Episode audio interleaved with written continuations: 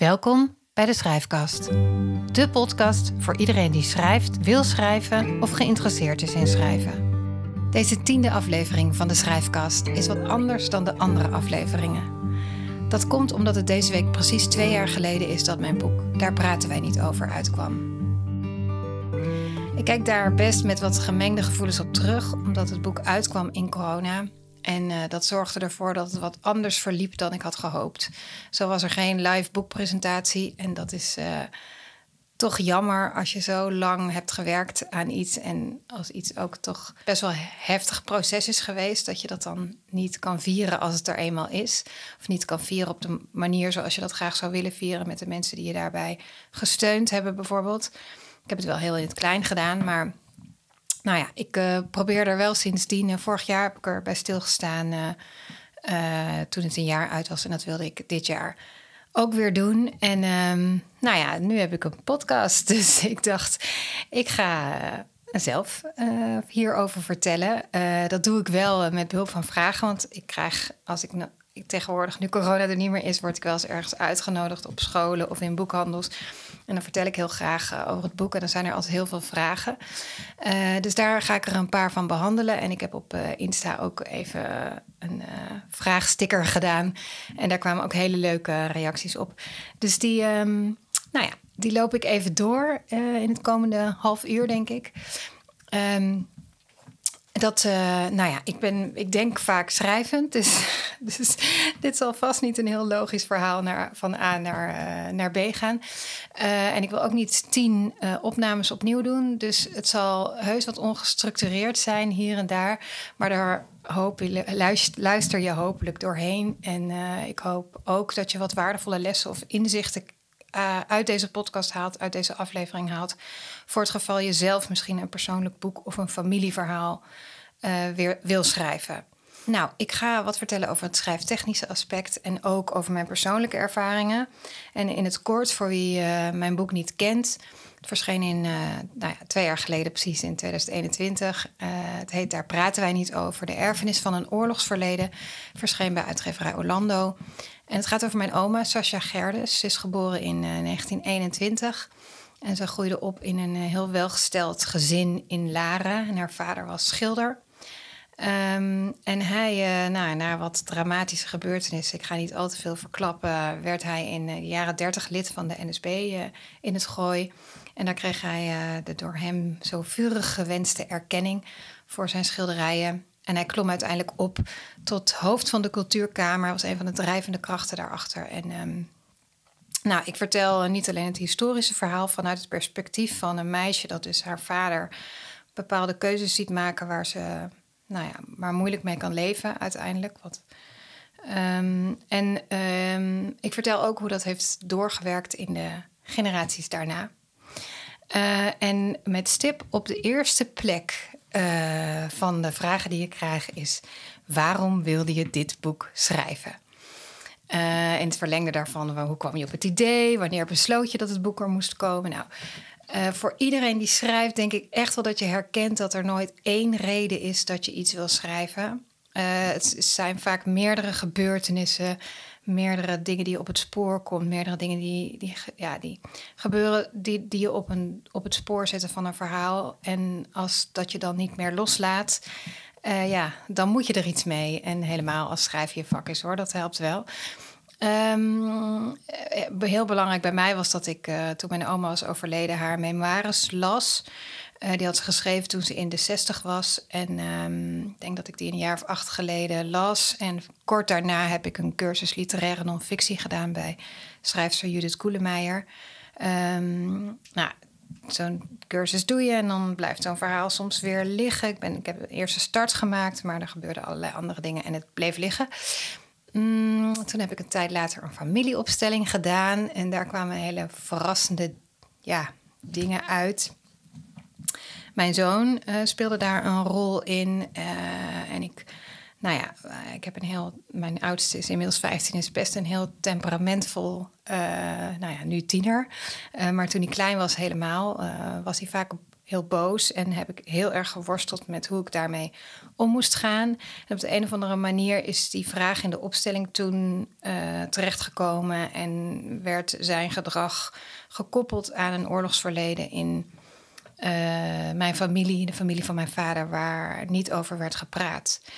En dat uh, bij elkaar zorgde ervoor dat ik dacht, ik moet hier meer mee doen. Niet alleen is het verhaal van mijn oma zo bijzonder en ook zo universeel eigenlijk, omdat het gaat over een meisje en een band met haar vader en de keuzes die worden gemaakt en over schuldgevoelens en schaamte, trauma. Maar um, ja, ook voor degenen die na mij komen, puur persoonlijk gezien, denk ik dat het belangrijk is dat zo'n familiegeheim op een gegeven moment uh, uit een systeem gaat. Dus dat bij elkaar maakte dat ik het heel graag um, wilde schrijven. Maar het was wel moeilijk. Niet alleen uh, is schrijven in combinatie met een gezin. En uh, nou ja, in mijn geval nog een eigen journalistiek bedrijf erbij. Uh, lastig. het was toch ook een verhaal wat zich niet per se makkelijk liet schrijven vanwege dat er zo'n laag overheen zat en er eigenlijk, zoals de titel van het boek uiteindelijk ook zegt, niet over werd gepraat.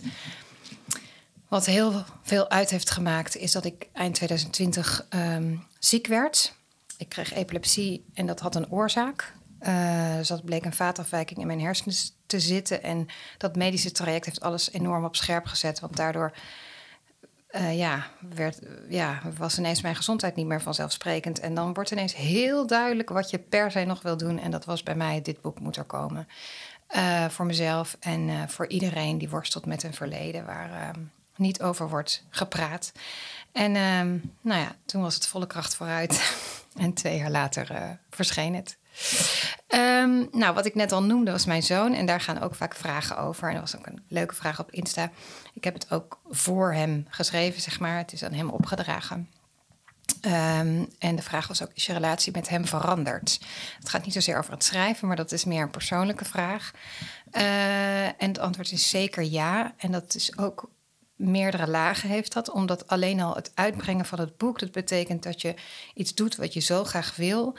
Uh, dat je daarmee ook tegen de stroom ingaat en ook wel behoorlijk wat weerstand oproept. Dat maakt, doet alleen al, ja, geeft een soort verschuiving in je karakter. Uh, zo ergens mee naar buiten treden was bij mij ook een beetje tegen mijn karakter in. En dat heeft mij absoluut veranderd. In systemisch werk zeggen ze dan dat ik mijn, plek heb, mijn eigen plek heb ingenomen. Nou, ik ben in ieder geval veel steviger geworden, figuurlijk, door het schrijven van, uh, van het boek. En uh, nou, gevoelsmatig voor mij door een, een verleden wat een beetje, nou, een beetje wat behoorlijk bedekt is uh, met, een, um, met een laag schaamte, waar, waar de deur zat op slot, zeg maar, voor dat verhaal. Um, weet ik dat ik in ieder geval ook heel erg mijn best heb gedaan om hem er niet mee te belasten. Dat, dat als er nog iets in dat systeem zit, dat hij dat in ieder geval niet meer draagt. Um, en ze heeft me ook heel erg verlicht. Ik ben heel lang bang geweest dat er een soort zwaarte en somberheid uh, in mijn familie en in mij, dat ik dat ook weer over zou dragen op hem. Ah, en nu, uh, ja, is er een soort acceptatie van dat familieverhaal. En uh, dat heeft gewoon heel veel lichtheid gegeven. En ik ga nu ook niet meer om die hele oorlog heen. Dat heb ik onbewust heel lang gedaan. Uh, en ik ga er nu in. Dus eigenlijk vorig jaar zijn we in het Holocaust Museum geweest in Berlijn. En ik ben voor het eerst in mijn leven in het Anne Frankhuis geweest. Nou, dat, dat, dat was iets wat ik gewoon niet goed aandurfde. Omdat ik denk ik diep in mezelf toch een soort schuldgevoel ook met me meedroeg. Dus er is veel meer acceptatie op heel veel lagen gekomen bij mezelf. Het oorlogsverleden, maar ook dat uh, mijn zoon gewoon is um, wie die is. Um, nou, uh, en wat er nog een beetje ook nog hier wel meespeelt, is dat ik door het lezen van de geschiedenis van mijn oma heel erg heb geleerd hoe zij eigenlijk heeft geleden onder haar verleden en hoe zij haar talenten niet heeft gebruikt. Ze was ook een heel begaafd tekenares. En ze heeft daar eigenlijk niets aan gedaan. Uh, en voor mijn gevoel is een beetje invulling van mij hoor, komt dat ook omdat ze een beetje in de schaduw heeft geleefd. Uh, ze was ook heel kritisch op haar kinderen en kleinkinderen. Ik had niet zo'n hele goede relatie met haar. Um, en ik wilde dat voor mezelf kost wat kost voorkomen. En ook voor, voor mijn kinderen. Uh, dus ik wilde doen wat ik wilde doen. en en uh, ik wilde dit schrijven. En um, nou, dat, En ook doordat zij niet heeft kunnen doen met haar talenten wat ze wilde doen. Dus ik dacht, ik heb de mogelijkheid om het verhaal te schrijven. Ik kan schrijven. Dan, ehm, dan moet ik dat ook doen. Wel een schrijftechnische vraag was: ben je wel eens vastgelopen tijdens het schrijven en hoe heb je dat dan opgelost? Uh, ja, zeker ben ik vastgelopen. um, meer in het persoonlijke deel van het boek dan in het historische deel. Ik vond het historische deel heel erg leuk. Uh, om te schrijven. Dat ging eigenlijk min of meer vanzelf. Daar kom ik zo nog even op terug. Maar het persoonlijke deel, en dat merk ik ook met het nieuwe boek, wat binnenkort uh, uitkomt, dat is heel erg uh, soms zoeken, omdat het gaat over het leven. Dus, en dat gaat altijd door. Dus waar zet je dan een punt? En, en wat vertel je daarvan wel en wat vertel je dat niet? Wat vertel je niet? Dat, um, dat heeft me echt wel slapeloze nachten en hoofdbrekers gekost. En dat los je dus op, uh, ja, nou ja, niet. Soms door er doorheen te gaan, maar vooral eigenlijk door te werken met uh, iemand anders waar je dat even tegenaan kan houden. Ik heb een hele goede redacteur, Jelte. Luister vooral aflevering 1 van de schrijfkast. Daar komt hij uitgebreid aan het woord. Um, maar mensen die geen belangen hebben bij wat jij maakt, maar proberen uit te vinden wat jij belangrijk vindt, welk verhaal jij wil vertellen, dat is echt uh, goud als je zulke mensen kan vinden. Um, en mm, ik denk ook, voor mij gold ook schrijven, de afwisseling tussen schrijven en het ook laten liggen. En dan de korte stukken laten liggen en herschrijven, maar op een gegeven moment ook langere tijd nemen om een heel verhaal te laten liggen en het dan weer lezen dat, um, ja, dat heeft me ook heel erg geholpen om keuzes te maken en een vorm te vinden voor het boek. Ik weet ook nog dat een van de redenen dat ik het ook niet schreef was de worsteling met de hoe van hoe moet ik dit verhaal vertellen. Ik wil graag mezelf erin schrijven. Ik wil een historisch verhaal vertellen. Welke vorm krijgt dat? Uh, ik heb heel erg geleerd van het schrijven van dit boek. Alles valt op zijn plek als je het serieus gaat nemen en als je ook de tijd gaat nemen. Dus voor mij gold dan dat ik af en toe even drie, vier dagen ergens anders moest gaan werken. En dan kwam het veel meer in mijn systeem en dan vielen er ineens kwartjes. En dan zag ik uh, een, nou ja, wat ik moest doen en, en welke vorm het uh, moest krijgen. Um, ja, en tot slot nog uh, iets wat ik je mee wil geven, is dat vastlopen ook vaak wel te maken heeft met de angst van wat anderen ervan vinden. Dus zo gauw je gaat denken, oh wat zou die, wat zou mijn schoonmoeder, mijn buurvrouw, de moeder op het schoolplein, uh, mijn baas ervan vinden, dan kan ik je op een briefje geven dat je waarschijnlijk stagneert. Want um, ja, dat, ja, het idee dat andere mensen dit gaan lezen en daar een mening over gaan hebben, dat is gewoon uh, sowieso een van de moeilijkste dingen van het schrijven. En als je nog bezig bent met schrijven, hou het dan vooral voor jezelf. Uh, en denk niet aan anderen. Uh, of werk met iemand die je, die je vertrouwt en die geen belang heeft bij je boek. Um, ja, wat vond je het moeilijkste en wat heeft je verrast? Um, ja, dat moeilijkste heeft een beetje te maken met wat ik hiervoor al vertelde. Het moeilijkste, wat anderen ervan zouden vinden. En, uh, en um, de ik moest ook echt actief een beslissing nemen om mensen daarin ja, teleur te stellen. Ik ging in tegen de wens van heel veel familieleden die er kritiek op hadden. Um, op de vorm en op de inhoud. Dat was moeilijk. Die, ik moest heel erg inzien dat wat ik ook zou doen, zij zouden niet blij zijn met dat ik dit verhaal vertelde um, en de wereld in bracht. Ook met mijn vader heb ik moeilijke gesprekken erover gehad. Um, ja, dat zijn allemaal wel hele taaie, dingen geweest. Uh, maar ik ben daar wel doorheen gekomen. En er zijn ook hele mooie dingen uit voortgekomen. Mooie gesprekken. Ik heb echt moeten realiseren dat ik moest doen wat ik wilde. Uh, heel moeilijk was ook de vraag: wat had je oma gewild? Had die gewild dat dit boek gepubliceerd zou worden? Nou, mm, ja, dat heb ik ook als iets heel moeilijks ervaren. Um, maar ja, ik heb toch mezelf altijd recht in de spiegel aan kunnen kijken. En ik denk ook dat zij hiermee toch nog een soort podium heeft gekregen. Dus zo heb ik het ook een beetje ja, voor mezelf. Um, ik wil niet zeggen verantwoord, want dat is het niet, maar wel. Uh, ik heb er uiteindelijk heel goed vrede mee kunnen hebben. En ik denk ook dat zij op een bepaalde manier blij was dat ik toch mijn zin heb uh, ja, gedaan wat ik zelf wilde. Want nou ja, zo, zo zat zij zelf ook wel heel erg in elkaar. Um, Nou, en wat me verrast heeft, is hoe leuk ik het vond om verhalen te schrijven. Want ik ben opgeleid als journalist en ik heb daar ontzettend veel uh, ervaring in. 25 jaar in de journalistiek gewerkt. Maar in dit boek ben ik heel beeldend en zintuigelijk gaan schrijven, scènisch gaan schrijven. Dat vond ik echt geweldig om te doen. Om mijn verbeelding in te zetten en zintuigen toe te voegen en karakters uit te diepen. En het, je moet even, ik moest even een brug over, maar toen ik eenmaal los was, toen vond ik het echt. Uh, nou ja, fantastisch leuk om uh, te doen. En ik vond het ook heel leuk om één ding te doen. Dat had ik niet zo verwacht van mezelf. Want ik ben meestal van honderd dingen tegelijk. Maar ik vond het echt heel fijn om even één ding te doen in plaats van die honderd door elkaar heen. Um, nou, er was nog een vraag uh, welke successen ik had met het boek en welke teleurstellingen.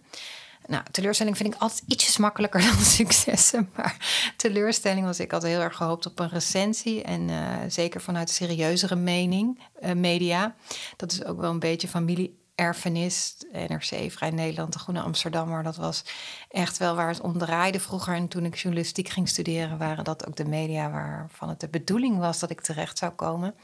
In ieder geval volgens uh, mijn oma en die familie. Als schrijver had ik ook heel erg erkenning uit die hoek willen hebben, omdat het dan ook gaat over het schrijven wat je hebt gedaan, over het boek wat je hebt gemaakt. Uh, en ik heb heel veel publiciteit gehad, meer over het persoonlijke stuk, hoe het is om zo'n familiegeheim uh, te beschrijven en, en wat je doet met de kritiek van je familie. Um, ja, ik had ook gehoopt dat het meer zou verkopen. Ik weet hoe moeilijk het is om een boek te verkopen en nog moeilijker in coronatijd, omdat je dus bijvoorbeeld niet het boek meer bekendheid kan geven met lezingen en dat soort dingen. Um, dus ja, dat, dat, dat, vind, dat is jammer. Um, maar goed, het is wat het is. Ik, ik heb ontzettend veel, nou kom ik zo op, ontzettend veel mooie reacties gehad. Maar het heeft een tweede druk en, en het heeft veel publiciteit gehad, maar daar had denk ik meer in gezeten. Um, maar de ik zei net al even iets over alle reacties van lezers van alle leeftijden en achtergronden. Mensen die hierdoor beter zijn gaan begrijpen wat zij als kind voelden, waardoor dingen op zijn plek vielen. Uh, mensen die door het boek over hun eigen familieverleden zijn gaan praten, die zelf onderzoek zijn gaan doen. Ik ben op scholen geweest, tieners die met grootouders een gesprek zijn aangegaan. Uh, mensen die anders zijn gaan denken over goed en fout en over hoe we daarover oordelen, hoe we naar de oorlog kijken. Uh, mensen die anders zijn gaan kijken naar hun kinderen en de gedragsproblemen die ze misschien zien, uh, boosheid die ze zien bij hun kinderen waar ze mee worstelen. Die meer ook zijn gaan kijken van, goh, waar kom ik eigenlijk vandaan? Hoe ben ik opgevoed? Het is echt fantastisch als een boek dat um, ja, kan betekenen en losmaken. Um, ja, of ik veel meelezers heb gehad. Die vraag heb ik eigenlijk een klein beetje beantwoord, maar Um, oh, dat was eigenlijk de vraag of mijn familie mee heeft gelezen. Nee, heel bewust niet. Uh, die hebben het pas gekregen toen het af was. Uh, anders had ik het gewoon nooit afgemaakt. Want uh, wat er toen gebeurde was eigenlijk zo heftig dat ik dat niet. Ja, ik denk als ik dat in een fase had gedaan dat het pas voor de helft af was of zo, dan had ik het niet, dan had ik het niet doorgezet. Uh, ik ben sowieso niet zo van de meelezers. Ook mijn man heeft het pas gelezen toen het helemaal af was. Alleen Jelte, mijn redacteur, die heeft uh, vrij snel meegekeken. En ik heb een, ook een training gedaan bij Querido, waar, bij Olga Majot. Die zit ook in podcast aflevering. Nou, hoe schrijf ik een familiegeschiedenis? Zeven, denk ik, of acht. Zoek maar even op. Uh, en uh, toen werkte ik in een groepje met andere schrijvers en hebben we fragmenten gedeeld. En dat zou ik ook iedereen aanraden. Kies niet te veel meelezers. En als je meelezers hebt, zorg dan dat het een groep andere schrijvers is. Of in ieder geval, ik zei het al, mensen die geen enkel belang hebben bij wat jij maakt. Dat is echt heel belangrijk, want iedereen heeft voorkeuren en meningen en jij moet maken wat jij wil maken. Dus kies een onafhankelijk iemand, een schrijfcoach, een redacteur als dat kan. Of sluit je aan bij een schrijfgroep, want dan heb je ook een stok achter de deur en eventueel meelezers. Als je dat prettig vindt, kan je heel erg helpen in een stap naar voren om het te gaan, te gaan delen met mensen. Maar ga het niet aan al je vrienden, aan je ouders en aan je hele familie sturen. Of ze vinden het allemaal geweldig, dat kan ook. Um, of het gaat je enorm afremmen. Dus ga zorgvuldig om uh, met je verhaal. En ja, pas als het er is, dan is het er. En dan mogen mensen er wat van vinden. Wat ik een hele leuke vraag vond laatst was: uh, als je het opnieuw zou kunnen doen, wat zou je dan anders doen? Toen besefte ik me, ik heb heel lang gedacht dat ik het anders zou doen. En dat ik heel veel andere keuzes zou maken. Maar toen ik de vraag eigenlijk daadwerkelijk kreeg, ongeveer een maand geleden of zo, toen dacht ik: nee, ik had er een historie. Ja, ik denk nog steeds een historisch boek alleen historisch zonder mijn persoonlijke verhaal. Dat was misschien beter geweest voor de verkoop, want dan had het gewoon onder een goed label historische non-fictie gepast. Um, nou ja, andere mensen zeggen, had er meer van jezelf ingestopt. Um, nou ja, ik heb heel erg geleerd, ook iedereen wil iets anders. En je kan niet iedereen tevreden stellen. Je kan alleen maar maken wat je zelf wil maken. Dus uh, hooguit wat ik meer, wat ik anders had gedaan, is iets meer tijd nemen. Want de laatste fase was echt wel heftig.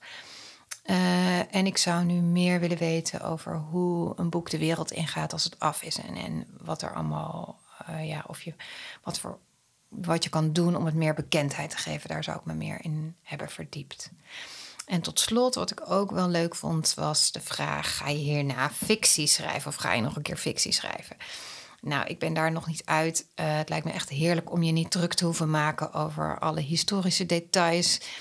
Uh, maar ik houd ook heel erg van echt gebeurde verhalen. En dat is toch, denk ik, mijn journalistieke inborst. Dat is wat ik fijn vind om over te schrijven. Um, ja, ik ga nu eerst bij Cosmos een boek uitbrengen eind juni. En dat is weer een beetje terug naar mijn journalistieke roots met deskundigen en ook ja, persoonlijke verhalen die ik de afgelopen jaren heb geschreven.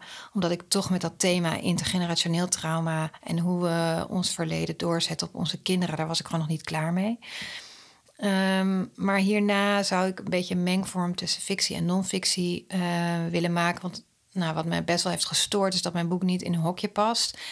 Uh, ik kreeg heel vaak de vraag: Oh, wat is nou echt gebeurd in je boek? Nou, ik denk dat je daar best wel wat vrijheid in mag permitteren als schrijver. Laatst zei ik tegen iemand, of zei iemand gaf als feedback op een masterclass: Maak het boek in je los. Dat ze had gezien hoe je waarachtig kan schrijven. Dat vond ik zo mooi. Want uiteindelijk gaat het om iets wat je over wil brengen. En dat hoeft niet per se 100% waar te zijn. Je kan, ik heb in dit boek dialogen bedacht. Ik heb uh, overgangen gemaakt. Ik heb dingen weggelaten. Ik heb gedachten en gevoelens ingekleurd om er gewoon een verhaal. Ik vond het allerbelangrijkste dat ik een verhaal wilde maken wat voor iedereen toegankelijk was. Voor tieners, voor mannen, voor vrouwen, voor mensen, voor oudere mensen. Dus ja, het moest gewoon lekker lezen. En dan, uh, ja, dat, daar, daarin hoef je ook niet. Ik heb wat dat betreft bijna de Zeven Zussen soms ook als voorbeeld gehad. Omdat ik daarin de historische delen en leerzaam en heel fijn geschreven vond. Al die romantiek, die hoefde voor mij niet. Maar ik vond puur hoe zij die historische delen heeft geschreven, vond ik heel inspirerend. Um, dus ik ben eigenlijk van je mag heel veel toevoegen, je mag heel veel weglaten. Vertel een verhaal. Want dat is wat mensen onthouden. Dat is wat onder je huid gaat zitten. En wat nou precies wel en niet waar is daarin, dat vind ik niet zo interessant. Het is, het is wel interessant dat het gebaseerd is op waar gebeurde feiten. En dat die historische feiten kloppen. Dat geeft een verhaal. En dat het over mijn oma gaat, over mijn familie. Dat geeft het natuurlijk veel extra's. Maar god, wat nou precies wel en niet waar is. Nou ja, dus bij een volgend boek zal ik mezelf zeker weer meer vrijheden permitteren. En uh, met het idee wat ik heb, um, ja, zal dat ook uh, moeten, want dat speelt langer geleden. Um, nou, dit is een beetje wat ik uh, wilde vertellen over familiewerk. Ik krijg ook veel vragen altijd over research. Ja, daar kan ik vrij kort over zijn. Um, researchen moet natuurlijk als je historische en als je non-fictie schrijft. Alleen je kan het ook overdrijven. En ik heb ook wel gezien dat heel veel researchen er ook voor. Ja, het is ook een manier om niet te gaan schrijven. Dus um, ja, je kan eindeloos daarmee doorgaan. Er is steeds wel iets nieuws te verzinnen. En ik zeg wel eens, ja, je kan gewoon ook gaan schrijven. En dan dingen die je niet zeker weet, highlighten en die later opzoeken. Um, ik heb ook heel veel al geschreven. En dan moest ik toch opzoeken of er wel een treinverbinding liep tussen Utrecht en Hilversum in uh, 1935. Maar als ik dat de hele tijd had gedaan tijdens het schrijven, dan had me dat uit die flow gehaald. Dus globaal wist ik dingen en andere dingen, die heb ik gewoon later allemaal uh, gewoon een dag voor genomen om al dat soort feiten te checken. En dan kun je trouwens ook wel mensen vragen die daar eventueel of dat nou een historicus is of dat weet ik. Dat, ik heb daar verschillende mensen die hebben gekeken en die dan bijvoorbeeld mij wisten te vertellen dat je nog geen paprika's had in de jaren dertig. Nou, allemaal dat soort dingetjes. Maar dat kan allemaal later. Laat je niet uit de flow van het verhaal trekken door um, te veel research. En durf ook, dat is nog wel, durf ook keuzes te maken. Bijvoorbeeld een van de personages waar ik nu over denk om daar een nieuw historisch boek over te schrijven. Mijn um, uh, bedovergrootmoeder is dat dan. Um, die, um, ja, die vond ik tijdens het schrijven al heel interessant. En op een gegeven moment merkte ik dat ik haar verhaal verder wilde vertellen. En, en een, pad in, een pad insloeg om dat te gaan doen. En toen heb ik mezelf heel actief terug moeten roepen en moeten zeggen van... Uh, nee, dat is een ander verhaal. Het gaat niet over uh, deze vrouw, het gaat over mijn oma. Dus dan kan ik wel um, in een flashback iets vertellen over haar. Maar dan moet ik dat pad ook weer heel actief afsnijden.